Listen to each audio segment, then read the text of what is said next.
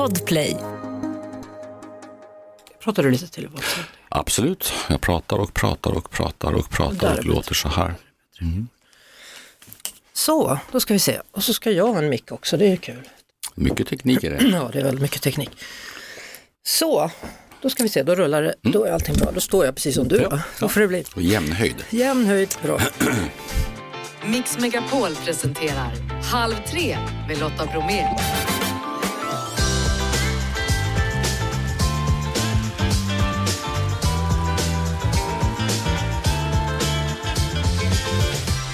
Ulf Kristersson, Moderaterna, välkommen till Halv tre. Tack så mycket. Ja, hur känns valrörelsen hittills tycker du? Den känns ungefär som, jag har gjort några valrörelser förut, så den känns ungefär som valrörelser brukar göra. Det tycker jag nog. Alltså, det är ju tonläge som alltid blir högt i valrörelser och det är möjligen är det ännu högre den här gången. En del tycker det. Jag, när man är mitt i det så är man dålig på att bedöma det tror jag. Ja, för oss väljare har det hittills varit lite rörigt. Man Mm. undrar ju vem tar vem? Ja, men det är väl en av många saker. Sen är det klart att det är, det är ju lite, det är lite nytt läge skulle jag säga. Det är, det är åtta partier i riksdagen. Det största partiet är ungefär 30 procent, näst största är 20 procent. Det är klart att det, alla är långt ifrån 50 procent och i en parlamentarisk demokrati så, så krävs det 50 procent för att liksom kunna få någonting gjort helt enkelt. Det där håller vi på att vänja oss vid tror jag, sakta men säkert. Men det är en lång process. Mm. Ann Linde twittrade igår, fruktansvärt att det hat som SD och andra högerextrema krafter riktat mot Annie Lööf lett till detta. All heder och omtanke till dig Annie. I det sista instämmer jag verkligen all heder och omtanke. Jag kontaktade också Annie igår naturligtvis. Helt, helt förfärligt. Sen tänker jag nog avvakta med att, eh, jag tänker nog avvakta med att eh, uttala mig i exakt skuldfråga här eh, innan vi vet mer än så. Men det är ju väldigt mycket extremism tycker jag från alla möjliga håll och kanter. Det visade ju även en annan granskning igår. Då var det ju högerextremism som granskades. Och vi ser samma sak med extremism på andra håll och kanter i svensk politik just nu. Det tycker jag är förfärligt. Men, men vad, vad tänker du när hon buntar ihop på det sättet eh, SD med högerextrema krafter? Ja, jag, jag, de här otroligt ständigt pågående smutskastningarna av varandra. Jag tänker inte syssla med sånt utan jag bara konstaterar att det finns väldigt många människor som borde skärpa till sig i svensk politik. Vi hade för några veckor sedan vänsterpartister som stod och flagg, viftade med terroristorganisationen PKKs flaggor. Sluta upp med sånt. Om alla bara kunde prata sakpolitik och vara hederliga både när man håller med varandra och när man inte håller med varandra så hade vi fått ett bättre tonläge i svensk politik. Mm. Va, vad har du gjort som du ångrar som politiker? Jag har säkert fattat beslut som i efterhand visar sig mindre kloka. Det är liksom inget så här som jag omedelbart tänker. Jag, några saker som jag tycker har blivit riktigt dåliga som jag åtminstone är delansvarig för. Det är ju när vi, först den här decemberöverenskommelsen i svensk politik efter valet 2014 eh, som, som liksom skulle låtsas att ett parti inte fanns och sen blev det ännu värre med januariöverenskommelsen som skulle låtsas att två partier inte fanns. Det där, det där kan jag säga, säga i efterhand, det, det var ett av de sämsta beslut som svensk politik någon gång har gjort. För det, det, det förlorade trovärdighet, skulle jag säga, demokratisk trovärdighet. träffade Maud Olofsson Mm. här för dryg vecka sedan och, och pratade med henne om Alliansen. Det är ju Ja. Alliansens moder. Ja, hon kan ju få en tår i ögat när hon ser hur det är idag. Det kan jag verkligen förstå. Jag känner stor sympati och respekt för henne. Eh, det kan jag förstå.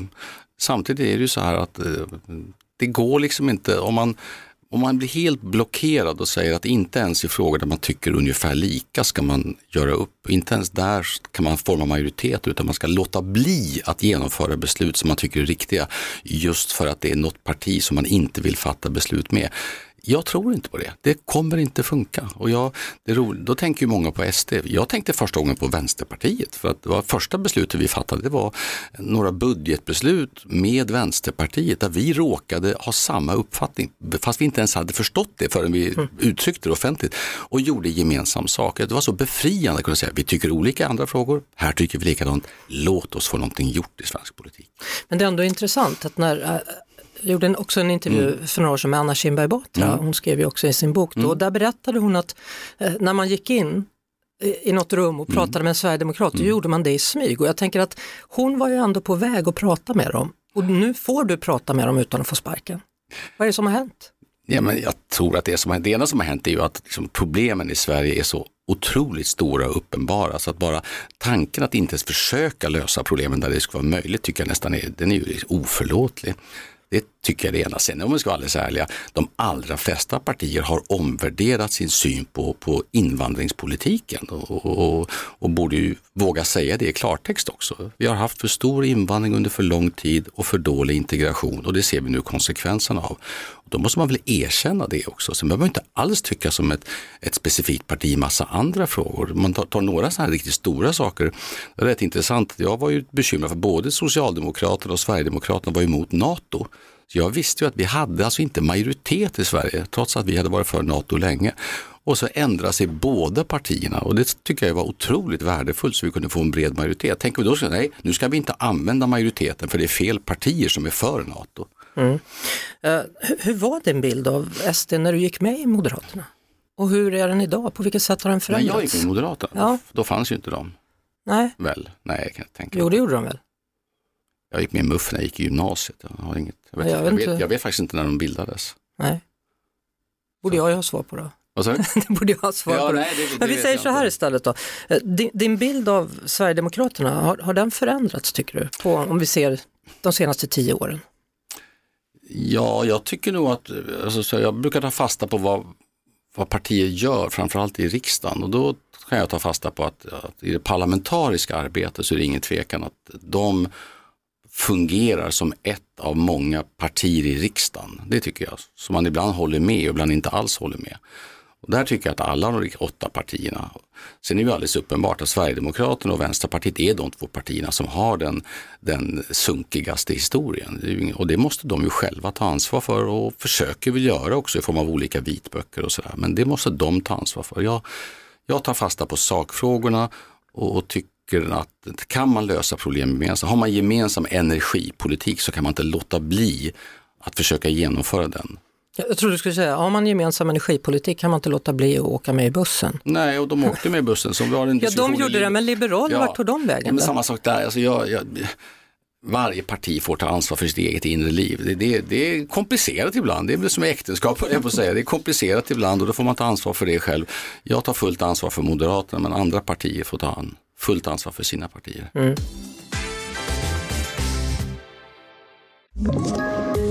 Poddtips från Podplay. I fallen jag aldrig glömmer djupdyker Hasse Aro i arbetet bakom några av Sveriges mest uppseendeväckande brottsutredningar. Går vi in med hemlig telefonavlyssning och, och då upplever vi att vi får en total förändring av hans beteende. Vad är det som händer nu? Vem är det som läcker? Och så säger han att jag är kriminell, jag har varit kriminell i hela mitt liv men att mörda ett barn, där går min gräns. Nya säsongen av Fallen jag aldrig glömmer på Podplay. Du, du pratade om äktenskap tidigare idag när du var med hos Gry Forssell. ja. ja.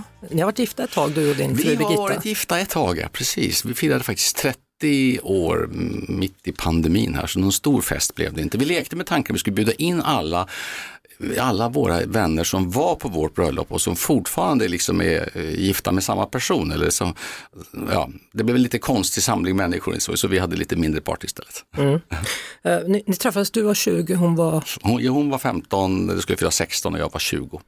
Mm. Ja, hur var det? Ja, du, man minns väl lite grann. Jag gjorde lumpen i Enköping och hade en gammal en gammal tjeckoslovakisk motorcykel som jag åkte mellan Eskilstuna och Enköping. Då låg ju Strängnäs bra till i mitten där, så gjorde jag mig lite ärenden och stannade då och då. Och så här, så att, mm.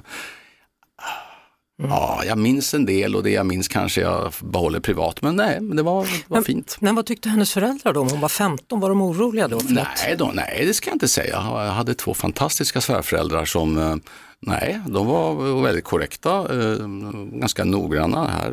Du sover här och hon sover här. man känner igen sig många år senare när man själv hade 15-åriga döttrar. Ja, vad, vad, vad har du sagt? Du sover här och din partner sover ibland där. Ibland har man väl lyckats och ibland kanske man inte har lyckats. Ja. Natten kan vara lång så att säga. Ja. Ja. Jag har, eh, precis som du då, eh, tonårsdotter. Ja. Du, dina är ju lite äldre nu ja. och har flyttat ut. Men, men hur känner du att deras tonår var som tjejer? Huvudsak bra, det ska jag säga. Nu har vi bott i småstad eh, huvudsak, vi har bott även i Stockholm och i Peking, det är lite större städer. Så att, men i huvudsak väldigt bra, eh, ingen tvekan om det. Sen så det är klart att de pratar ju som nästan alla, inte minst tonårstjejer, de pratar om hur går man hem, med vem går man hem? Om någon mot all förmodan skulle ha druckit lite för mycket, vad gör man då? Alltså ständiga försiktighetsåtgärder annars tycker jag deras tonårstid, som pappa, det är de kanske bättre på att svara på själva, men det har varit väldigt fin i en, i en ganska lugn småstad. Hur var första tonårsfyllan?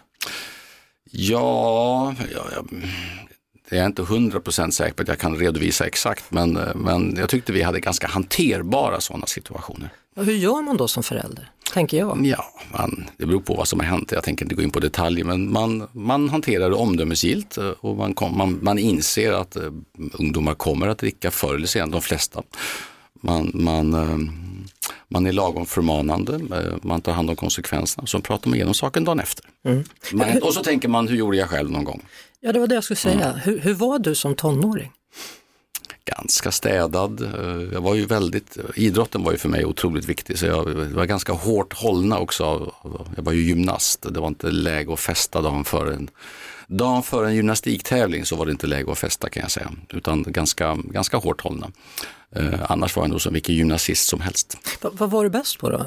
Ringar eller hoppa över något ja, eller dans? Ja, så här, gymnastiken, det som idag heter AG, alltså artistisk gymnastik, då har man ju alla grenarna. För, för herrar eller män är det ju sex grenar jag var ganska jämn, bra men inte riktigt lysande i något riktigt. Och så var jag i en klubb som hade en historik av att vara fantastiskt bra. Nu är de fortfarande bra men nu är det damgymnastiken och då var det herrgymnastiken. Så det var liksom ingen i min generation som var riktigt på den nivån så vi kunde liksom inte ärva de här fina positionerna. Så då sadlade vi om till truppgymnastik som idag är ganska känt men som då var ganska okänt. Mm. Och då blev det rätt bra faktiskt. Men, men gjorde du ringar? Gjorde Absolut, du... jag gjorde alla, alla ringar och räck och barr och bygelhäst. Och... Så jag tycker det är så läskigt. Nej men det är, inte, det är, det är tekniskt lite svårt. Men jag hade ju, jag, här, nu syns det inte i radio, men jag hade ju en kropp som var mer lämpad för gymnastik än för basket så att säga. Ja, du är, hur lång är du? En, jag brukar säga 1,70 men jag är 1,69. ja, alltså det där, det händer ju att, att eh, det skämtas om din längd, ja. både på sociala medier ja. och i humorprogram. Va, ja. va, hur känns det då? Nej, jag är rätt van vid det. Jag, jag, jag är inte så känslig av mig. Ibland tänker jag, jag tycker mer synd människor som blir skämtade om för att de då kanske de flesta är lite försiktiga, men att bli skämtad om för sin vikt eller bli skämtad om för, det tycker jag, jag menar, alla fattar att man har den längd man har. Det är liksom, så är det ju. Så att, mm. Nej, det är inget som bekymrar mig. Jag hörde i morse att din fru hade sagt att dina vader är, vad var det? Hur var det där citatet? Hon sa typ att mina vader var den enda kroppsdel hos mig som är lite större än genomsnittets. Ja, hur kändes det då? Vaderna är ju lite speciellt. Att jag, jag, min mamma hade extremt stora vader för sin i övrigt ganska begränsade storlek. Men och det var nog mest eh, genetik och så har jag väl ärvt hennes. Och om man sen står i gymnastikhall år efter år, då, då övar man upp dem. Så de är ganska spänstiga kan man ändå säga utan att överdriva. Mm. Du, är det som du trodde att vara förälder? Eller var det? Alltså jag börjar ju känna mig nästan lite rutinerad nu. I början var, jag har ju tvillingar som nu har fyllt 19 precis och ryckt in och gör värnplikten. Um, så de, har liksom, de är ju på väg nu vidare i sitt liv. Och så har vi en äldre tjej som är 22. Jag har, vi har kusinbarn som är kusin, våra barns kusiner har barn för att vara mer exakt, som är sådana riktiga småttingar. Man märker när man håller dem, man har nästan glömt bort hur det är liksom, att hålla en, ett spädbarn. Och så. Mm. Jag tyckte det var fantastiskt, eh, fantastiskt, det tycker nästan alla föräldrar. Men, och sen går det ju, det är larvigt att säga, det går otroligt fort. Det går jättefort. Och sen. En, och sen en dag så är de där och tar studenten. Och, mm. ja. Du, du, nämnde ju Peking mm. förut. Mm. Jag antar att det var då i samband med att ni adopterade era barn? Så nu... Nej, det var inte alls. Det var långt senare faktiskt. Min hustru drev ett företag på den tiden som hade svenska kunder med verksamheter i Kina. Och hon Aha. ledde den verksamheten från Sverige och uh, hade alltid drömt om att få leda den på plats. Och sen så blev det en situation i livet där jag hade inte varit pappaledig med våra yngsta och hon hade en chans att jobba där. Så då flyttade vi dit hela familjen. Jaha, så det var efter ni hade adopterat? Ja, det var långt senare. Långt senare. Men hur var det den gången när ni fick träffa era barn första gången? Minns du? Ja, jag minns det ganska exakt. Eh, båda gångerna, det är ganska omvälvande för man, man sitter i ett konstigt sammanträdesrum där man fattar ganska lite. Andra gången var ju lite, då visste man ju lite mer och sen så kommer de upp och läser upp på någon lapp på, på, på något försök till att läsa svenska namn. Du kan tänka när en kines ska säga Ulf Kristersson. Det, ja, man säger, va? Vad sa han för någonting? Och så förstod jag att det var våra namn trots allt. Och så gick vi fram och så fick vi första gången ett litet bylte och andra gången två små bylten överlämnade från, från personalen. Nej men det är, jag har ju aldrig varit med om en förlossning men jag kan tänka mig att det är samma svindlande upplevelse när man, liksom, när man får ett barn första gången mm. på, på ett sjukhus av helt andra sätt. Hade ni längtat länge? Ja, det får man nog säga. Vi hade ju insett ganska tidigt att vi insåg där rätt tidigt att några barn för egen maskin blir inte här. Och det behöver man inte vara Einstein för att räkna ut. Och då gjorde vi så många, man, man undersöker vad det är som har hänt och kommer fram till att det är egentligen inget speciellt som har hänt men det blir ingenting. Och då var framförallt min hustru ganska handlingskraftig och sa vi tänker inte leva in, i en provrörsfabrik resten av livet utan, utan anmälde oss som man gör då. Då blir man rannsakad och mm. Screenad på längden och på tvären och godkänd så småningom. Sen tar adoption är ju ingenting för den som är otålig utan det tar ganska lång tid. Mm. Mm. Jag har, har, faktiskt en, en vän och han mm. och hans maka har adopterat mm. barn i, mm. från Sydafrika. Mm. Och de ska väl gå in och vänta och se om de kan få ett syskon ja, då, ja, till, ja. till den lilla killen. Ja, jag tycker att det är, alltså det, det är ju både glädje, alltså fantastiskt och sorgligt för alla vet ju, om man tänker efter, alla förstår. I Sverige så var man ser det här glada, man ser en familj som, som blir en familj, men det finns ju också alltid en tragik bakom detta. Det är ett barn som av någon anledning har övergivit sitt annat land av, och liksom som också kanske lever flera månader eller flera år på ett barnhem. Så det har en allvarlig grund där. Nej, men speciellt i Kina har det varit så med just tjejer också, mm. för det var ett tag när de hade enbarnspolitiken Helt och då försvann ju tjejerna ja. och in där och ja. bands fast och allt vad det var. Ja, men det är så förfärligt som man knappt kan tänka på. Ett, ettbarnspolitiken var ju så fullkomligt, den var ju moraliskt vrickad men också helt praktiskt förfärlig för att då i ett land där man av olika skäl prioriterar pojkar så många familjer som behåller en pojke och, och på olika sätt överger en flicka. Helt förfärligt. Mm. Eh, ser du den där eh, väskan där? Har du koll? Ser jag en väska? Den här. Där ser jag en väska med en ja. dator i, precis. Yes. Ja, vet du vad det är? Det är en lögndetektor. är du beredd? Jag är beredd. ja, då kör vi lögndetektor med Ulf Kristersson, Moderaterna. Äter du tacos på fredagarna? Eh, om barnen är hemma så ofta ja. Vet du hur mycket en liter mjölk kostar? Det beror på vilken storlek av mjölken. 12 spänn kanske för en liter ungefär. Och en och en halv? Ja, 15 kanske. Kanske 17. Kanske 17 till och med. Det, var inflationen ännu snabbare än jag hängt med. Älskar du Sverige? Ja, verkligen. Har du prövat droger? Aldrig. In, Aldrig någonsin. Inte marijuana? Inte något. Inte kokain? Inte något, verkligen. Är du nykterist? Nej, det är jag inte heller. Är du bra på att dansa? Nej, verkligen inte. Är du PK? Alltså politiskt korrekt? Eh, nej, det tycker jag inte. Är det, är det en komplimang? Eller ja, det, ja det, det, är en väldigt bra fråga. Alltså om man med motsatsen menar plump, då är jag verkligen inte plump. Men om man menar att man alltid ska säga sånt som bara, eh, som inte får förarga någon, så det är inte mitt jobb. Mitt jobb är att säga sanningen och berätta vad jag tycker. Har du någonsin ljugit? Ja, det har jag säkert gjort. Men du minns inte om vad? Ja, nej, men det är klart, alla har väl ljugit någon gång av någon anledning som i bästa fall är, är, så vit anledning som möjligt och i värsta fall för att, för att man inte visste bättre för stunden. Har du ljugit för mig nu? Eh, nej. Vad skönt. Då släpper vi lögndetektorn.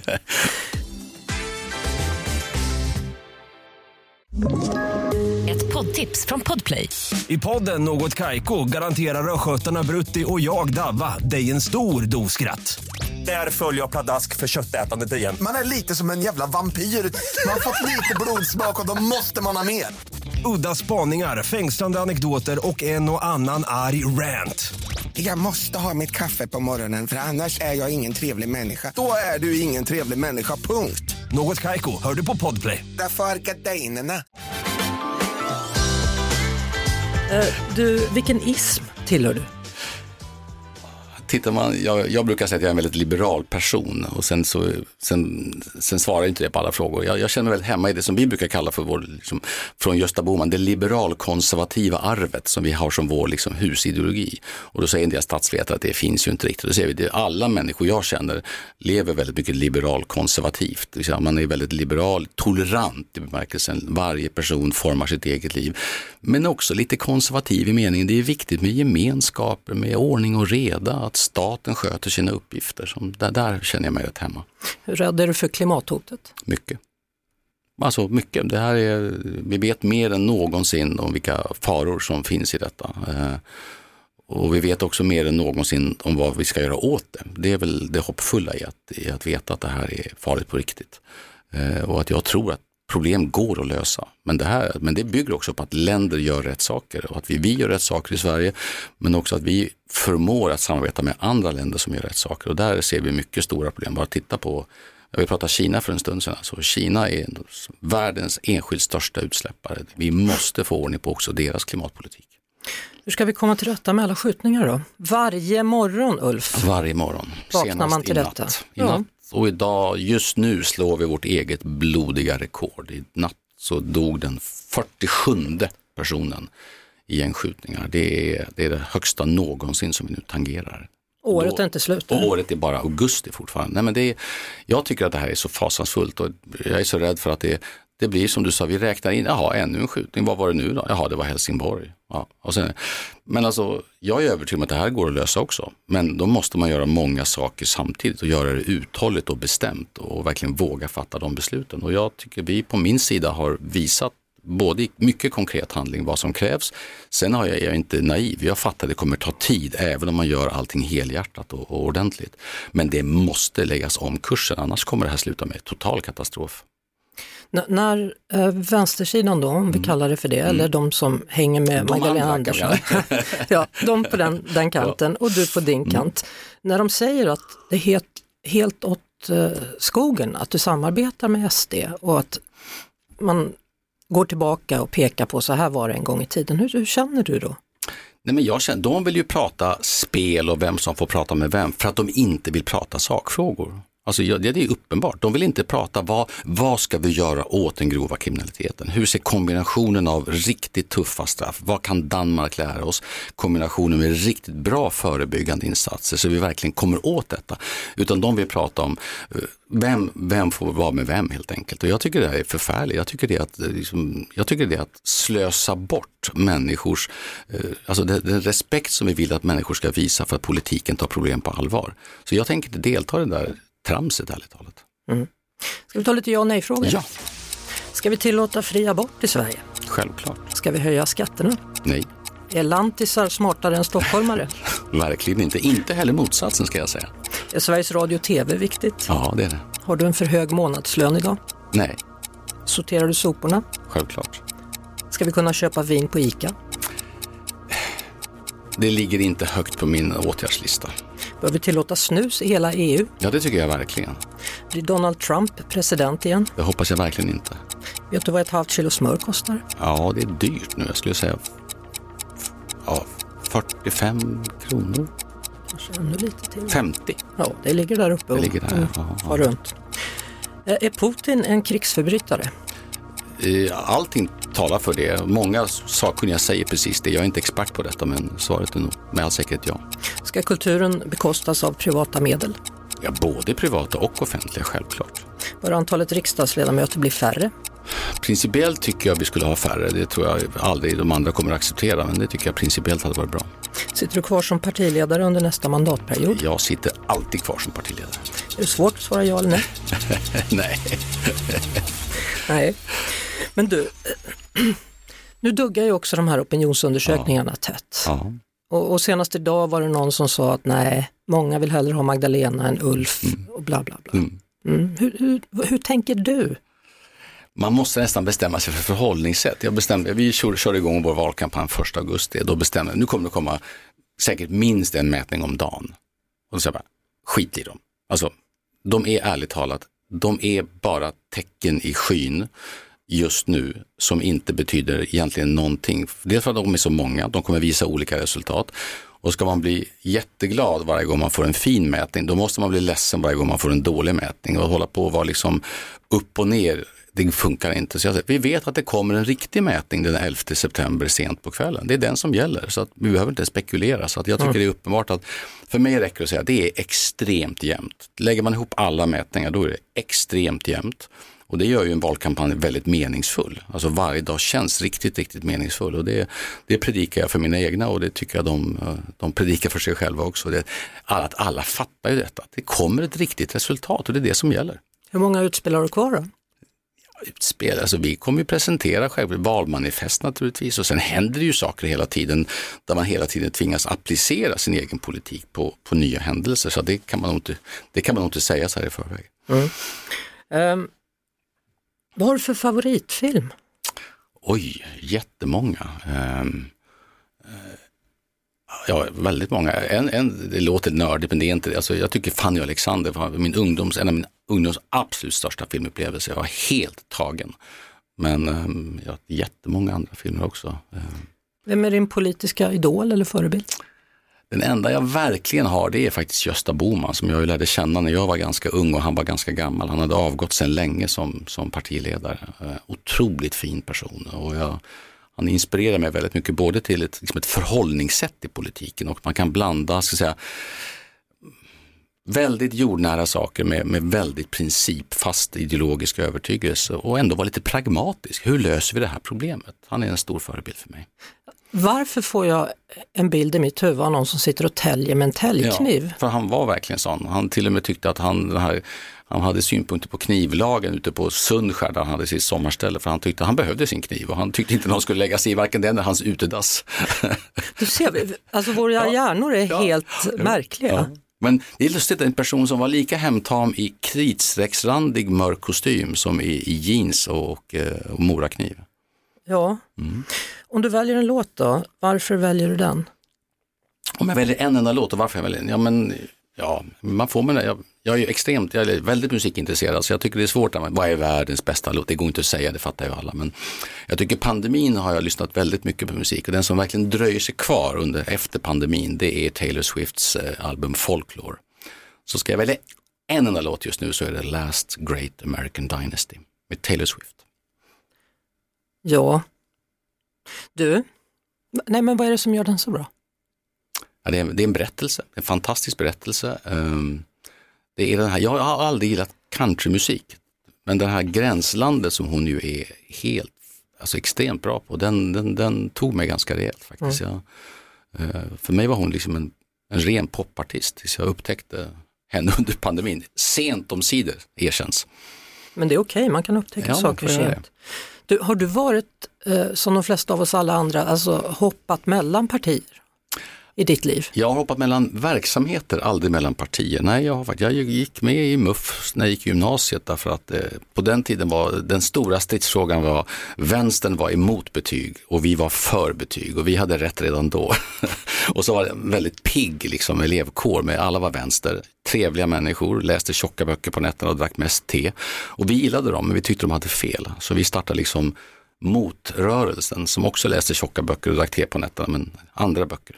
Det är svårt det där, är det inte det, att vara politiker och, och inte bara vara mot utan vara för någonting? Ja, men, och viktigt tycker jag. Det är lätt att vara mot saker, men att vara för saker och ting och ibland också vara för saker och ting som kan bli genomförda för att andra är för ungefär samma sak. Som, det, det har jag med åren. Jag var ju kommunalråd både i Strängnäs och sen i Stockholm. Det här att få någonting gjort också. Att inte bara önska sig det allra, allra bästa och inte få det gjort. Utan okej, okay, om vi hjälps åt, om vi går i mm. ungefär mm. samma riktning och kompromissar, kan vi då åstadkomma något som blir bra i verkligheten? Den är jag ganska besjälad av. Men risken är väl då också att det blir väldigt svartvita förslag, eller? Jo men det är det det blir om man inte är beredd att kompromissa om någonting. Utan jag tycker att vi behöver ha en syn där man har en bestämd färdriktning. Det här är rätt och det här är fel.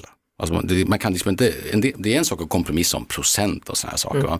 Men det är klart att andra saker är ju svåra att kompromissa. Då måste man ha bestämt sig. Vad är den stora, vad är den stora färdriktningen här? Eh, och sen kompromissa inom ramen för det. Det är därför jag tycker att regeringen måste ju bygga och majoriteten måste bygga på att man åtminstone har en gemensam syn på vad är de stora problemen, ungefär hur ska vi lösa dem och sen diskutera i detaljer, okay, exakt vad gör vi i vilken ordning. Det är något helt annat än att skriva liksom avtal med varandra, du får det, du får det, du får det. Och sen blir helheten och kompassen som den blir, det tror inte jag på. Du springer ju väldigt mycket. Ja. Och då tänker jag, du har säkert en målbild och den målbilden är säkert när vallokalerna har stängt. Ja, jo, så är det. Ja. Så är det. Vad ser du där då? Vad händer där? Nej, men jag ser ju ungefär som när man tävlar i idrott. Alltså jag ser ju framför mig att vi, vi, vi vinner det här valet eh, med all säkerhet med ganska snäva marginaler, det tyder det mesta på. Vi vinner det här valet och får en, en kväll när vi kan fira eh, väldigt eh, temporärt för att sen dagen efter måste vi sätta oss ner och diskutera hur gör vi nu det allra bästa av det här valresultatet vi har fått. Det är det jag ser framför mig. Mm. Behöver vi svenskar vara oroliga för att det ska hålla på likadant som förra gången det var val? Det hoppas jag verkligen inte.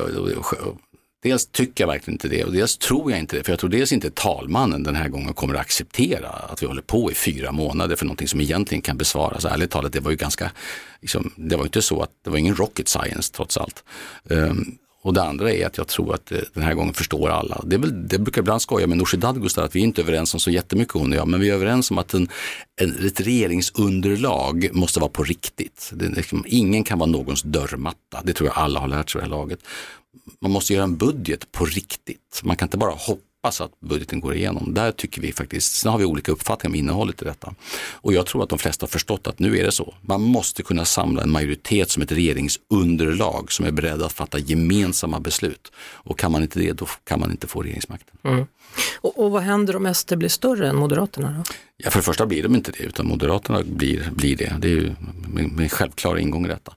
För det andra är det så här att det är Moderaterna som kan samla partierna på min sida till gemensam handling. Det har vi bevisat i rätt många år nu och så kommer det vara även efter valet. Vi är samlingspunkten. Du, din hustru Birgitta, mm. när är hon klar med sin utbildning? Exakt den 22 januari, alltså hennes utbildning är färdig. Hon är som det heter teolog, tror jag det heter på akademiskt mm. språk. Hon är på läser till präst. Hon är läser till präst, ja precis. Och då gör man, hon gör nu sin sista termin i rena, så här, rent praktiska saker, alltså en ren yrkes, så här, gå så här, håll i barnet så här när du döper. Döper dockor brukar hon säga lite så här. Gör hon det hemma nu? Eller? Eh, ja, en del av undervisningen sker faktiskt på distans fortfarande och då är det mycket praktiska moment. Så det är väldigt så handgripliga mm. insatser. Använder ni era döttrars dockor då? Eller har ni fått speciella? Eller ja, lite osäker på vilka dockor som används faktiskt för detta och vilken dopfund som används, om det är en vanlig köksskål eller vad det är mm. någonting annat. Men det, det, är klart, det är ganska mycket praktiska saker också man måste mm. kunna. Det är inte bara så säga, Bibeln som man måste kunna. Men hur är det med dig och din tro då?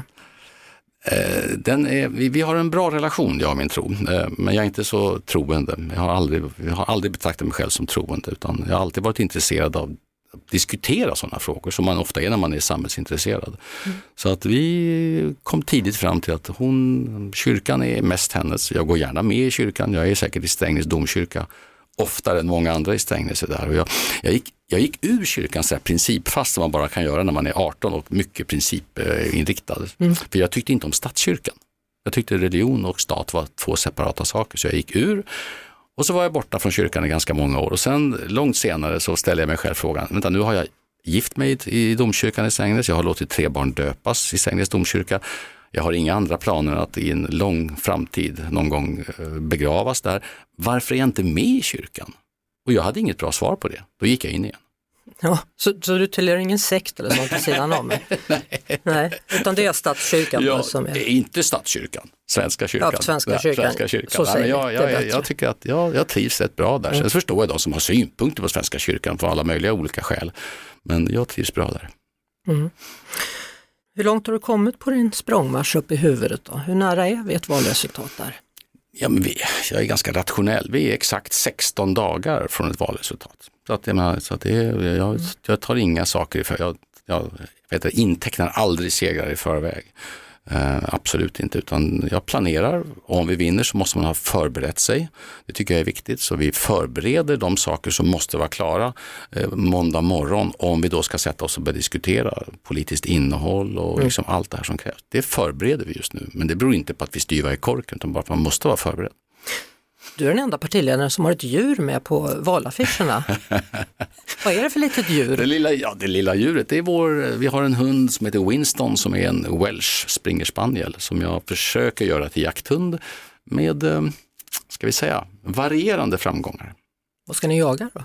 Han är ju egentligen en apporterande fågelhund, men vi jagar inte så mycket fågel där i Sörmland, vi jagar mest småvilt. Och jag försöker få honom att bli riktigt intresserad av harar och rådjur.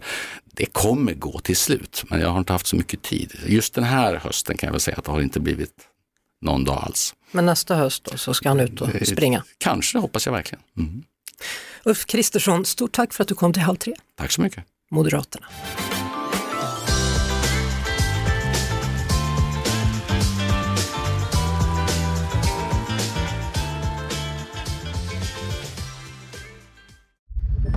Podplay, en del av Power Media. Ett poddtips från Podplay. I fallen jag aldrig glömmer djupdyker Hasse Aro i arbetet bakom några av Sveriges mest uppseendeväckande brottsutredningar Går vi in med hemlig telefonavlyssning och, och då upplever vi att vi får en total förändring av hans beteende. Vad är det som händer nu? Vem är det som läcker?